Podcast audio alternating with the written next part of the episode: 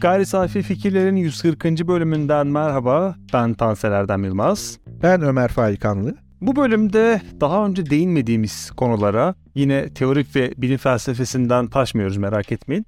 Alışık olmadığınız ancak yine gayri safi fikirler temaslarını da yanımızda getirerek yaklaşacağız. Öncesinde bizi Spotify'da halen takip etmemiş ve yorumlamamış, puanlamamış olanlar için şöyle birkaç saniyelik bir saygı duruşunda bulunalım istiyorum. Çünkü bizi takip edip puanlamak isterseniz ve gayri safi fikirler topluluğunun genişlemesine katkıda bulunmak isterseniz bu bizim için çok kıymetli ve ayrıca bu tartışmaları duyması gerekenlere de ulaşmış ve taşımış oluruz. Ben şimdi birkaç saniye bekliyorum konuya girmeden. Su esnada takip almadıysanız alın ve e, puanlamadıysanız gönlünüzden geçen puanı bize verin.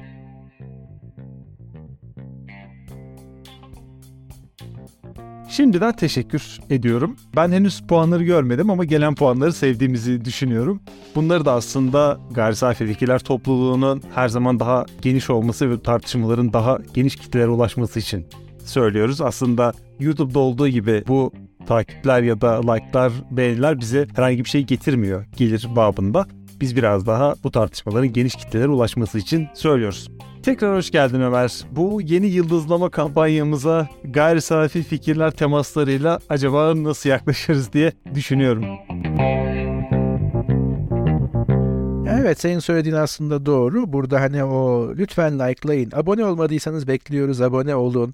Bu da bize tabii ki çok meşru bir şekilde e, gelir olarak gelsin demiyoruz. Bizim dediğimiz şey ne kadar çok kişiye ulaşabilirsek, sesimize ne kadar çok kişiye duyurabilirsek kendimizi daha iyi hissettiğimiz aslında. O yüzden de sizin bu tarz aktif katılımınız, beğeniniz, eleştiriniz, oraya bir yorum düşmeniz ve tabii ki abone olmanız e, bizi algoritmada biraz daha öne çıkartıyor ve belki henüz tanışmadığımız ve bizlere tanışmayan başka dinleyicilere ya gayri safi fikirler diye bir podcast de varmış neymiş acaba bu dedirtebilmek için ufak bir katkı istediğimiz şey buydu aslında.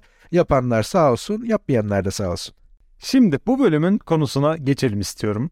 O da çok meşhur televizyon programcımız Saadettin Teksoy'u hatırlarsın. Onun aydınlattığı ve aslında çoğunlukla zaten aydınlıkta olan bazı gizemlerden tutun da Türk filmlerinde bu e, kafasını bile taşımakta zorlanan uzaylı karakterlerine gittiğimiz noktada çok fazla UFO temelli içerik var. Yani UFO e, tanımlanamayan uçan cisim basitçe. Şimdi bunlar bizde maliyetleri sanırım katlanmak çok zor olduğundan düşük bütçeli ve biraz acınası ama küresel ölçekte gerçekten akıllara zarar bir UFO tartışması var. Burada şu çizgiyi ben çekmek istiyorum kendi adıma. UFO'lara inanmayın ya da e, UFO'lara inanmanın e, bilemi biz biliriz diyerek e, bir dalga malzemesi yapmanın niyetinde değilim. Çünkü o sinyalden ziyade tartışmamız gereken farklı şeyler var. Birkaç adım geriye atmak gerekiyor. Ve ben e, orada her zaman şeytanın avukatlığını yapmayı seviyorum. Genelde e, tam olarak düşündüğüm şey bu değil ama ben kendimi bir adım geriye çektiğimde sen de aslında teorik açıdan kendini bir adım geriye çekip yaklaşıyorsun ve orada çok güzel tartışmalar ortaya çıkıyor. Diyeceğim şu.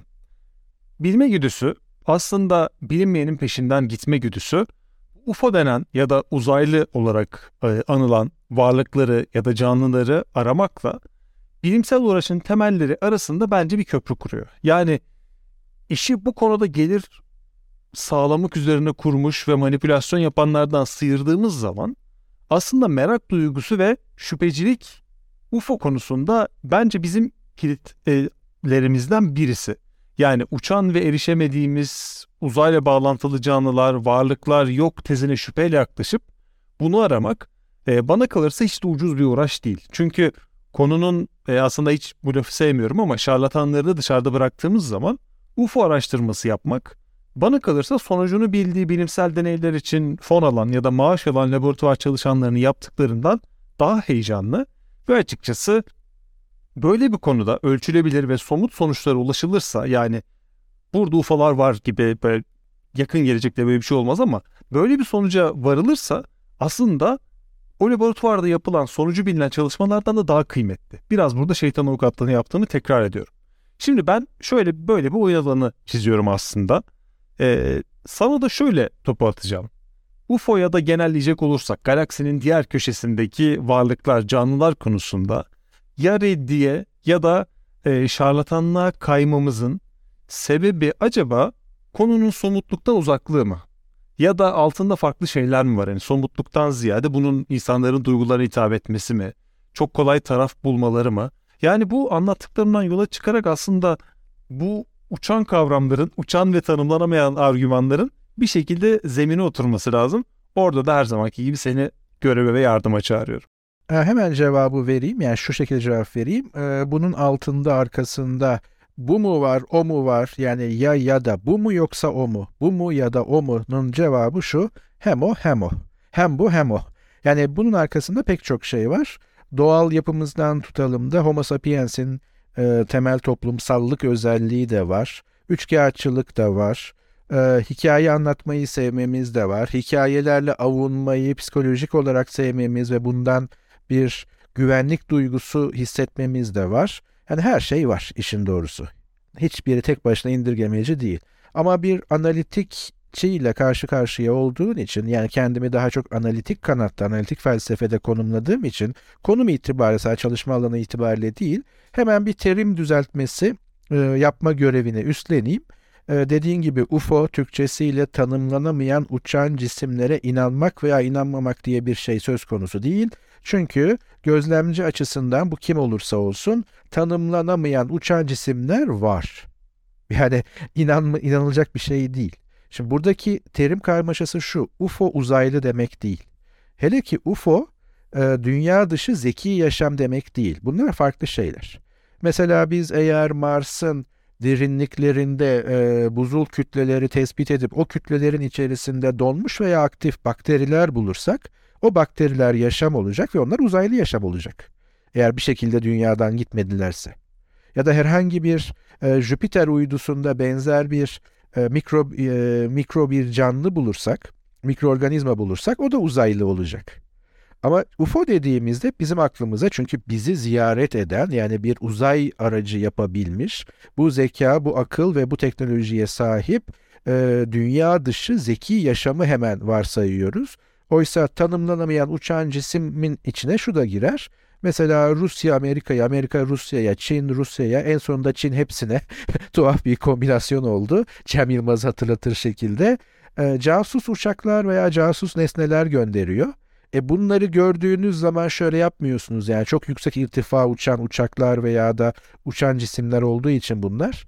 Gördüğünüz anda aa Çin uydusu, aa Çin e, istihbarat uçağı demiyorsunuz. Tanımlayamıyorsunuz çünkü sizin radar e, tanımlarınıza da girmiyor, gözlemsel e, olarak farklı olabiliyor vesaire vesaire.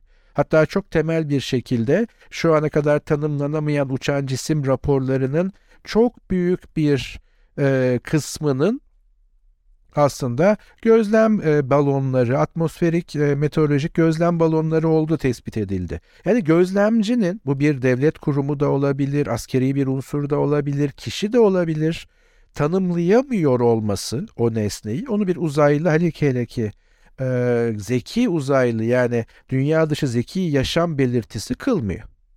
Ama burada şöyle bir sıkıntı var. Mesela şöyle bir parantez açayım biraz da espriyle. Hemen her şeyi Türkçeleştirme fetişi içerisinde olan e, birileri neden buna acaba tuç dememişler? Yani UFO hep kullanıyoruz. Tanımlanamayan uçan cisim tuç.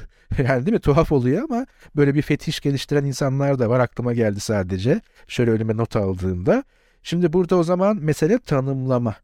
Yani gökyüzünde özellikle gördüğümüz ama bunu aslında tüm dünyaya yaygınlaştırabiliriz. Çünkü e, mesela Van Gölü canavarı bu bir ara bayağı furya olmuştu. Tam da Saadettin Teksoy'un da araştırdığı ve araştırmayı çok sevdiği şeylerden biriydi.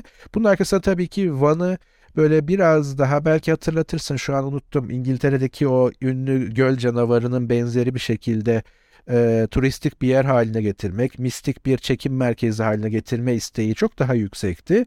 Ama göl üzerinde gördüğümüz bazı şeyleri bir yanılsamayla ve biraz da arkasından ittirerek algımızı orada yaşayan yani çok uzun yüzyıllardır yaşayan ve herhangi bir kategorizasyona şu anki bildiğimiz yaşam kategorizasyonuna de, tür ve cins olarak girmeyen bir canlıya benzettik.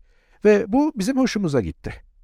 Şimdi bunun gibi aslında gökyüzünde uzaylıların yani dünya dışı zeki yaşamın bizi ziyaret ettiği, hatta 1980'lerde bir furya şeklinde von Daniken'in tanrıların arabalarıyla ünlü ettiği o mitolojiler, anlatılar pek çok insana çok cazip geldi. Neden olmasın ki dedi veya buna inanmak çok keyifli geldi. Aslında belki de burada inanmak söz konusu. Yani inan niye inanıyoruz? Nasıl bir psikolojik veya sosyal ihtiyaç üzerine buna inanıyoruz? Yani evet insanlıktan ümidi kestim. Bizi kurtarsa kurtarsa uzaylılar kurtarır. Ya da tam tersi kendimizi korumalıyız çünkü dışarıdan bir saldırı gelecek. Canavarlar uzayda. Bakın canavarları e, önce Transilvanya'dan türettik. İşte vampirler, kurt adamlar, mitolojiler, işte mumya, canlanan mumyalar. En son furya biliyorsunuz zombiler, yaşayan ölüler. Hani bunların içinde bir de şeyi kattık. Demek ki olsa olsa bu canavarlara dünyada yer kalmadı. Çünkü bilimsel kavrayış veya aydınlanma bu canavarların çoğunu yok etti zihinlerimizden. Vampir mi canım? Kend, güldürme kendine diyoruz. Ama uzaylı deyince neden olmasın ben uzaylılara inanıyorum diyoruz. Hatta koca koca belgesel kanalları e, antik astronotlar diye çok çok önce e, dünyamızı ziyaret etmiş ve medeniyetin gelişmesine yardım etmiş e, dünya dışı yaşamı acaba olabilir mi diye bize belgesel kılığında sunuyor. Netflix'e de en son bir tane geldi. Şimdi bu şöyle bir dogmatiklik değil elbette. Yani ihtimal sıfır değil. Evren o kadar büyük ki yani bir yerlerde daha zeki yaşamın evrilmiş ve açığa çıkmış olma ihtimali tabii ki var. Ama o yaşamın dünyayı ziyaret etmiş olma ve ediyor olma ihtimali aynı kuvvette mi? Çünkü aşağı yukarı eğer bizim teorilerimiz, işin bilimle ilgili kısmı da sanırım bu. Bizim teorilerimiz şu an doğruya yakınsa ışık hızında seyahat edilememesi bir evren yasası, bir doğa yasası. E, ışık hızına ulaşamayan hızlarda seyahat etmek de yine kozmolojik olarak ölçtüğümüz kadarıyla en yakın bize yıldız sisteminden hele ki farklı galaksilerden gelecek seyahatleri de binlerce yıla, milyonlarca hatta bazen milyarlarca yıla ışık yılıyla ölçebileceğimiz yıla yaydığı için yani e, bu dünya dışı zeki yaşamın sadece bir teknoloji geliştirerek bunu yapmış olması çok mümkün değil.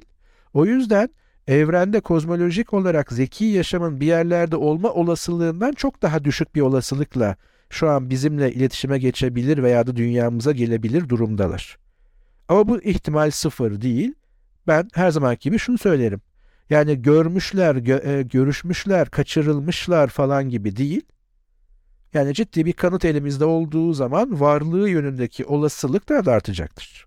Bu olasılıklar aslında ilginç bir şekilde ortaya çıkıyor. Yani insanların zihninde e, bu argümanlar farklı klasörlere yer ediyor. Mesela Tanrıların Arabaları işte Fontaniken'den bahsettin. Çoğu insan bunu roman olarak ya da bir e, eğlenceli bir kitap olarak okuyor olabilir ama bazı insanlar için aslında bu e, gizlenmişlerin ortaya çıkardığı veriler gibi. Mesela kitaba dair yorumlara bakıyordum sen bunları anlatırken çünkü yorumlarda bir şeyler bulabileceğimi biliyordum e, Tanrıların arabalarında aslında e, anlatılan basitçe şu ilk çağda yaşayan e, bir insan uygarlığı var. Sonrasında çok çok çok gelişmiş e, uzaylılar gelip onlarla iletişime geçiyor. Temelde anlattığı şey bu. Ben e, çok yüzeysel hatırlıyorum. Kitabı yorumları mesela şuydu.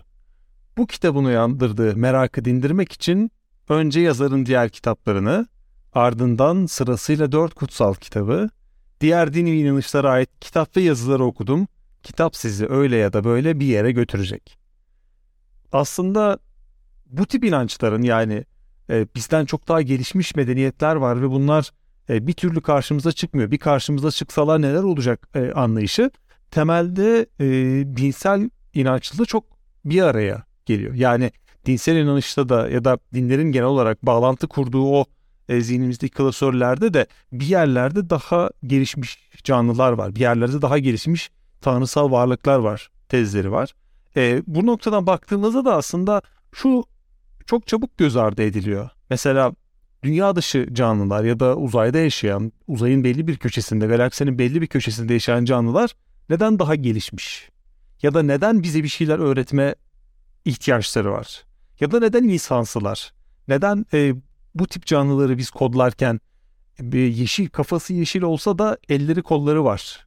Neden e, şey değil? Tek yekpare bir e, yumurtaya benzeyen bir varlık değil. Aslında e, bu tartışmalı bir konuya bizi götürse de bununla ilgili e, filmin ismini unuttum. Konuştukları dil bile bizden farklıydı. 5 yıl önce vizyona girmişti. Konuştukları dili çözmeye çalışan uzmanlar vesaire vardı uzaydan gelen canlıların. Aslında orada çok gerçekçi bir tez ortaya çıkıyordu. Biz bize bir şeyler anlatmaya çalışan, bizden daha üst kültürlere sahip, bizde işte iPhone 14 varsa onlarda iPhone 880 e, varmış gibi yaklaşıyoruz olaya.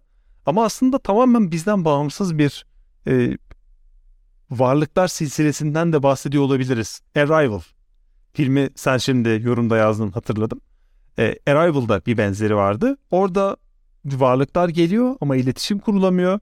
İletişim kurulduğu zaman da ne anlattıkları belli değil.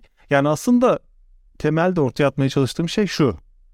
E, bizden daha gelişmiş canlılar, bizden daha iyi canlılar tezi de biraz daha e, dini inançlarla temelleniyormuş gibi geliyor. Dünya dışı varlıklarla ilgili. Evet ama burada hemen bir film önerisi madem yapıyoruz. Ben biraz daha eski sanırım 97 1997 filmi e, Judy Foster'ın oynadığı Mesaj Türkçesiyle Contact filmini tavsiye ederim. Yani bunu pek çok boyutuyla hatta felsefi boyutuyla da ele alan bir filmdi.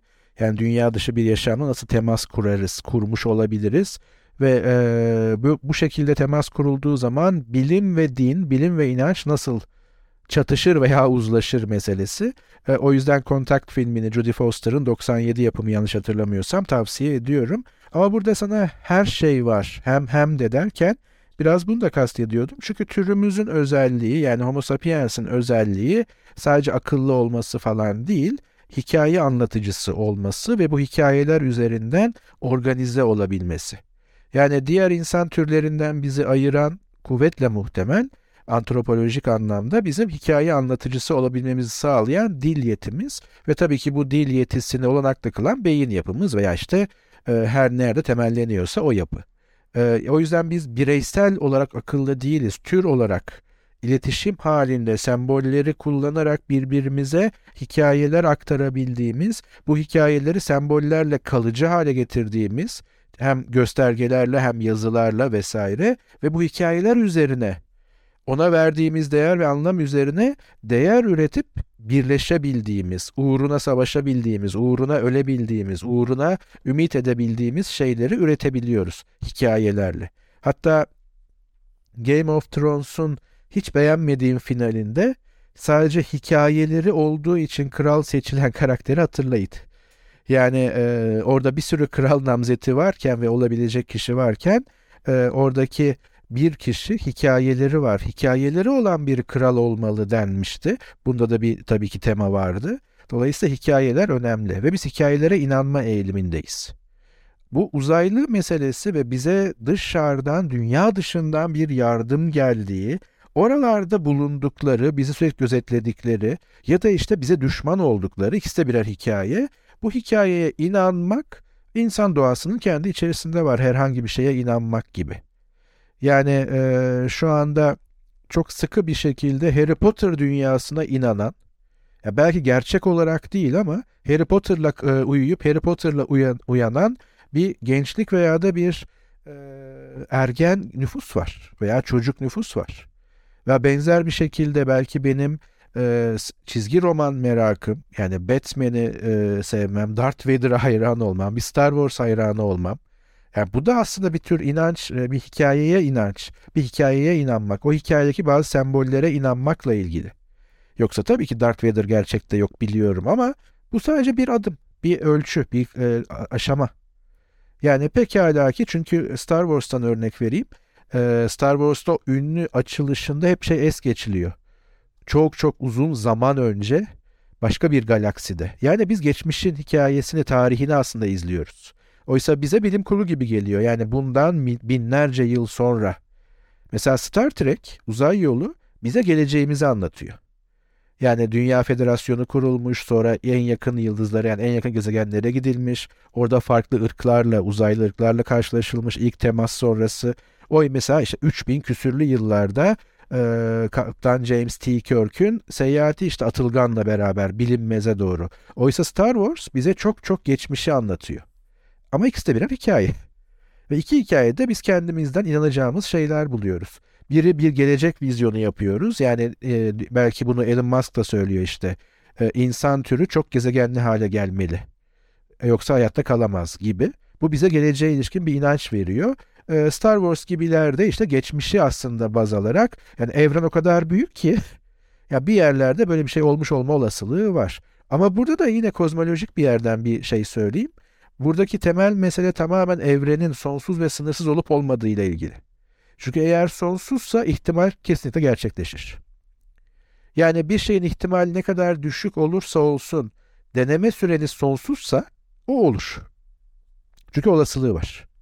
Ama eğer sınırlı bir zamandan bahsediyorsak, e, biyolojik yaşamı baz alıyorsak, evrim süreci şu ana kadar sadece bir kere bu soluk mavi gezegende gerçekleşmiş olma ihtimali var.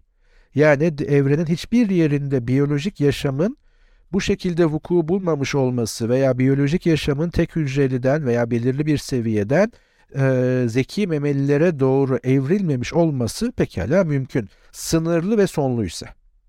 Dolayısıyla orada aslında bir kozmolojiye bakmak lazım. Çünkü o uzaylıların, zeki uzaylıların varlığı veya yokluğu veya bunun olasılığı hakkında bize çok şey söylemiş oluyor. Matematiksel anlamda ve tabii kozmolojik anlamda. Ama hikayelerle bir düşmanlığımız olmamalı.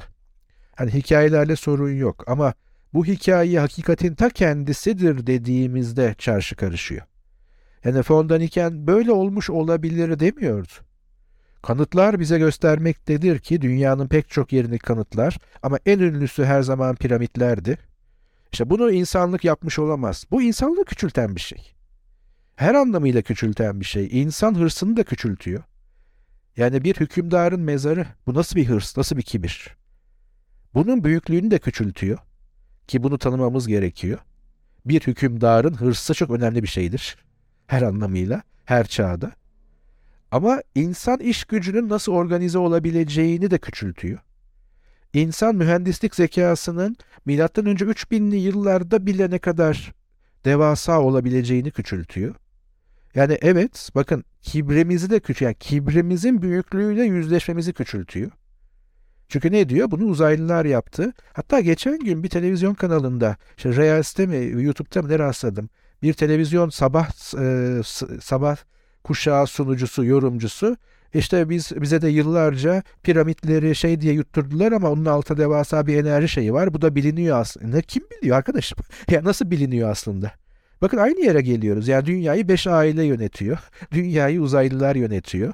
Büyük resmi görün. Yani aynı hikaye tekrar ediyor kendini. Hikayelerde sorun yok. Hikaye anlatıcısı olmamız önemli. Çeşitlenmesi önemli. Ama hiçbir kanıta dayanmayan hatta kanıt fikrinin kendisini rafa kaldıran ve kendinden açık bir hakikatmiş gibi bize yutturulmaya çalışıldığı zaman işte orada diğer hem hem de kısmı devreye giriyor şarlatanlık ve orada klasik Hollywood filmi veya suç filmlerinin temel ilkesi çalışır parayı takip edin. Arkada bir para dönüyordur çünkü. Ya bu tip durumlarda gerçekten bunun o tip şarlatanlık noktasına gelmesi bence işin en tehlikeli kısmı. Bir adım geride ya da bir adım sağda bir adım solda aklıma benim şu geliyor. Son olarak aslında buna biraz değinmek istiyorum ve fikrini merak ediyorum. Türkiye sınırlarında genel olarak kurumsallaşma ve işte bu dernekleşme vesaire çok zayıf olduğundan bu tip e, UFO vesaire konularında çok büyük atılımlar yok. Ama biraz dünya çapında bur- burada neler olmuş diye baktım. Hani UFO araştırmalarıdır, şudur budur Türkiye'de yapılanlar bununla ilgili şeyler var. E, yapan kişiler var ama bilimsel açıdan bununla ilgili ne yapılmış diye baktığımda mesela 1976'da bir grup e, bilimsel şüpheci e, işte filozof ve sosyologların önderliğinde bir komite kuruyorlar. İşte paranormal iddiaların bilimsel soruşturması komitesi Türkçe'ye çevirdiğimiz zaman. Bu komitenin temel amacı bu tip e, UFO ya da dünya dışı canlıları arayan ve aslında bunlara akılsızlık kültleri ya da saçmalıklar diyorlar. Bu konuda endişelerini belirtiyorlar.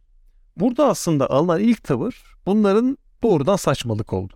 Bunda bir problem yok. Hani bu böyle bir tavır e, ortaya çıkarılabilir. Ama burada alınan çok net bir konum var. O da bu tip bir irrasyonelliğin büyümesini engellemek istiyorsak diye e, tartışmaya girip kültürün parçası olan bu bilimsel tutumu bir şekilde geliştirmemiz gerekiyor diyorlar. Ve bu noktadan sonra da 70'ler 80'ler boyunca e, işte aralarında gazeteciler, medya çalışanları e, ya da yazarların olduğu ve hatta bizim en meşhur tanıdığımız aslında Carl Sagan'ın olduğu çok büyük bir e, ekip bu e, efsane avcısı rolünü devralıyor. Aslında son yıl aylarda, son e, zamanlarda Carl Sagan'ın çok da bilimle alakası olmayan biri olduğuna dair tartışmalar çıkmaya başladı. Yani yaptığı şeyi değersizleştirmek değil de e, yani bir bilim yayıncısı olduğu ve bunun ötesinde büyük bir kutsiyet atfetmenin çok da gerek olmadığına dair bir tartışma var. Bu aslında biraz orayı eşelemeyi de bize getiriyor. Çünkü biz onu ikinci el olarak aldığımız zaman Carl Sagan'ın yazdıklarını onun müthiş bir bilim insanı, müthiş bir e, teorisyen olduğunu vesaire zannederek onun anlattığını da bir kutsiyet addediyoruz. Ama aslında Carl Sagan'ı ben e, ilk okuduğumda da bunu fark etmiştim. Sonrasında bu tezleri gördükten sonra da fark ettim. Aslında de doğru bilgiye doğru yönlendiriyor ama gerçekten kafanız karışıksa ve e, ciddi bir karışıklık içerisindeyseniz aslında politize ediyor tartışmayı. Hani e, bilimsel bilgiyi verip size karar şeyini bırakmıyor, karar şansını bırakmıyor. Buna inanmıyorsan sende bir problem vardır'a getiriyor üslubunda ve aslında bu e, Amerika'daki bu e, ekseni gördüğüm zaman da aklımda böyle bir tartışma kanadı ortaya çıktı. Çünkü buradaki konumlanma şu açıdan tehlikeli geldi bana. Biz bir şey eleştirirken ya da tartışırken onun yanlış olduğunu bildiğimizi düşünerek ve buna dair bir varsayılan kalkanla o tartışmaya girdiğimizde bu bu arada dünya dışı yaşamdan bağımsız söylüyorum. Bizim e, odağımız sadece o fikre çizik atmak oluyor.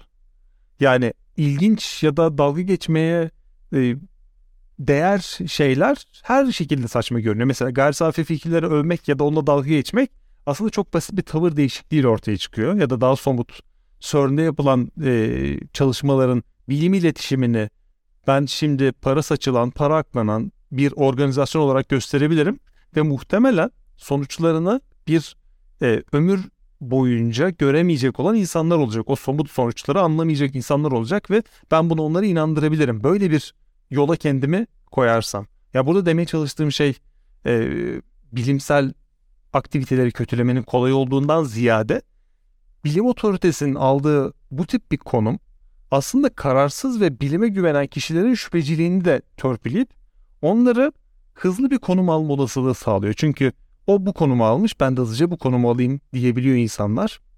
Kısa yoldan kendi konumlarını belirlemek için. E karşı taraf da benzer biçimde. Yani zaten karşılıklı bir e, tabiri caizse burada mahalle kavgası oluyor. Bilimcileri eleştirmek vesaire de değil benim e, tartışmayı açmaya çalıştığım şey. İki taraflı bir yaklaşım problemi var ve bu müsabakada hakikat orada bir kenarda oturup kahvesini içiyor. Kimse ona ilişmiyor burada. Yani amacı ona ulaşmaktan bir şekilde kayboluyor. Mesela bunun en net örneği Türkiye'de en azından. Astronomi astroloji tartışması çok yaygın ama son 50 yılda neredeyse e, bu bilimle inanma, bilim karşıtı olma biraz UFO tartışmasından e, yönleniyor. Mesela dünya çapında yapılan podcastlere ya da YouTube içeriklere baktığımız zaman gerçekten çok ciddi bir tartışma alanı UFO'lar. Bununla ilgili Netflix belgeselleri falan var. Çok büyük bir kısmı zırvaya gidiyor ama UFO'ların dünya dışı e, varlıkların olduğu tezi ve e, bunu ciddiye alanlar arasında müthiş bir tartışma şeyi var. Müthiş bir saygısız tartışma zemini var. Yani velev ki UFO'lar var, dünya dışı canlılar var. E, belli ki bilimin bugünkü sınırlarına sığmıyorlar aslında. Böyle bir dünya varsa. Yani kesin kanıtlar ortaya çıktı diyelim. Biraz sonra senin odana girdi. Ben de gördüm, inandık. Artık bizim için bu, buna e, inanma aşamasını geçtik ve bu artık e, bilimin sınırlarına şu an girmediği ve kanıtlanamayacağı için aslında şarlatan olacağız. Bu tartışma zemininden bir anda kopmamıza yol açıyor. Ya da tam tersi UFO'lar yok. UFO'lar Birliği bir yazı yayınladı. Biz yokuz dedi. Böyle bir şey yaşandı. Şimdi buna inananlar vazgeçmeyecek. Onlar da aslında bu fikri ortaya sunanları e, işte e, gerici, aptal, bilimin kölesi olarak görecekler. Yani varmaya çalıştığım temel nokta şu son olarak senin yorumunu istediğim. Konu kişiselleştiğinde ve çok fazla kişiselleştiğinde hakikatli kimsenin işi kalmamış gibi geliyor bana. Son kısım doğru ama e, benim gözlemim ve değerlendirmem şu yönde.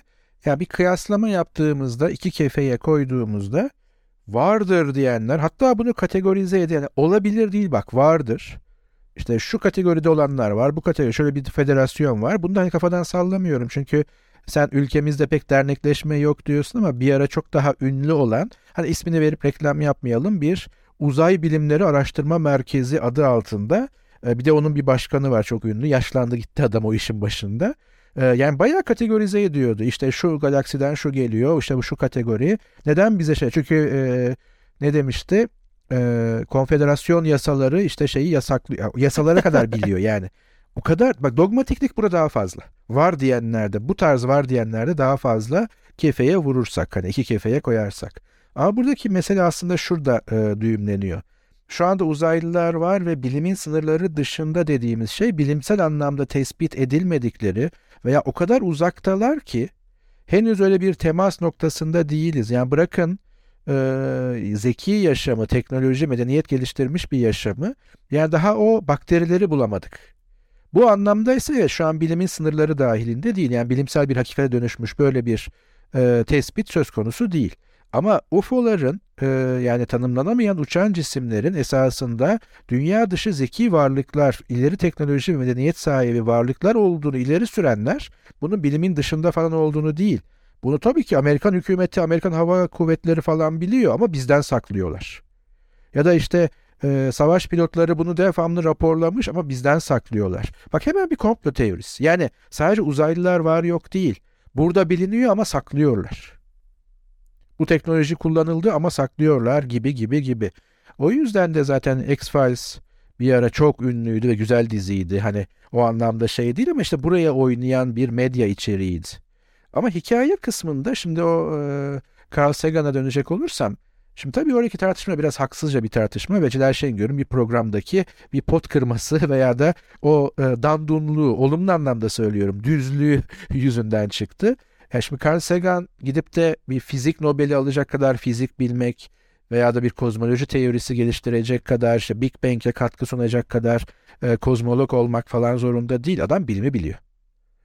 Ve bu bilimi e, popüler bir dille aktarabilmesi ve bilim insanları dışındaki çevrelere bilimselliği ve bilim kültürünü veya bilim dilini e, o dile tercüme ederek aktarabilmesi onu çok ciddi bir bilim emekçisi veya bilim insanı o o o kümede biri yapar. Ya bence bunun tartışılması çok şey. Yani ne keşfetmiş efendim çok saçma bir tartışma. Kaldı ki e, özellikle onun Türkçedeki pek çok metniyle beraber ve tabii o e, Kozmos belgeseli vesaire ama e, karanlık bir dünyada bilimin mum ışığı kitabını ben herkese öneriyorum. Hele hele ki orada e, garajımdaki ejderha diye bir bölüm var. İşte kanıt nedir veya da garajdaki bir ejderha nasıl kanıtlanabilir bunu iddia eden biri tarafından veya nasıl kanıtların yanından dolaştırılarak kaçırılmaya çalışılır çok güzel anlatıyor. O yüzden bunu öneriyorum ama hikaye anlatıcılığıyla bitireyim. Mesela teorik fizik e, deneysel içeriğine kavuşmadan önce aslında bir hikayedir. Sağlam bir bilimsel hikayedir. Ya da bunun e, şu anki en iyi örneklerinden biri sicim teorisi. E, belki de bizim için bir sonraki büyük hamle yani parçacık fiziğinde kuantum mekaniği ile Einstein'ın genel görelilik kuramını, genel izafiyet kuramını birleştiren bir teori olma iddiasında ama üzerinde çok çalışılmasına rağmen henüz deneysel bir gözlemi mümkün değil, matematiksel bir model.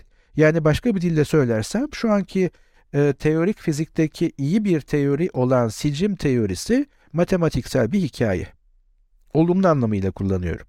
O yüzden hikayeleri dışlamamak lazım. Hikaye hikaye olduğu için bir sorun teşkil etmiyor. Yani bilimsel gerçekler ve hikayeler var gibi bir e, siyah beyaz duruma gitmeye gerek yok.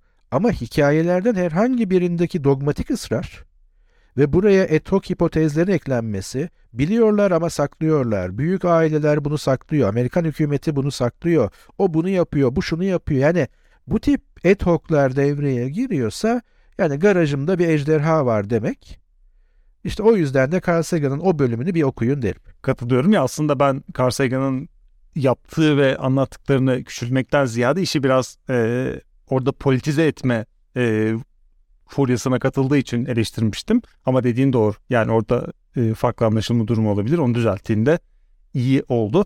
Aslında bu tartışmaların da sona ereceği yok gibi. Benim lafım Celal Şengör'e sana değil. tamam ben yine de üstüme almış olayım. Yine aslında bölüm başında biz bu bölümü 25 dakikada toparlarız deyip neredeyse 140 bölümdür 6 yıldır deyip e, yine 35. dakikada daha gidecek çok yeri var ama bu saatten sonra e, toparlayalım diyerek e, bir noktada e, ben sonlandırıyorum.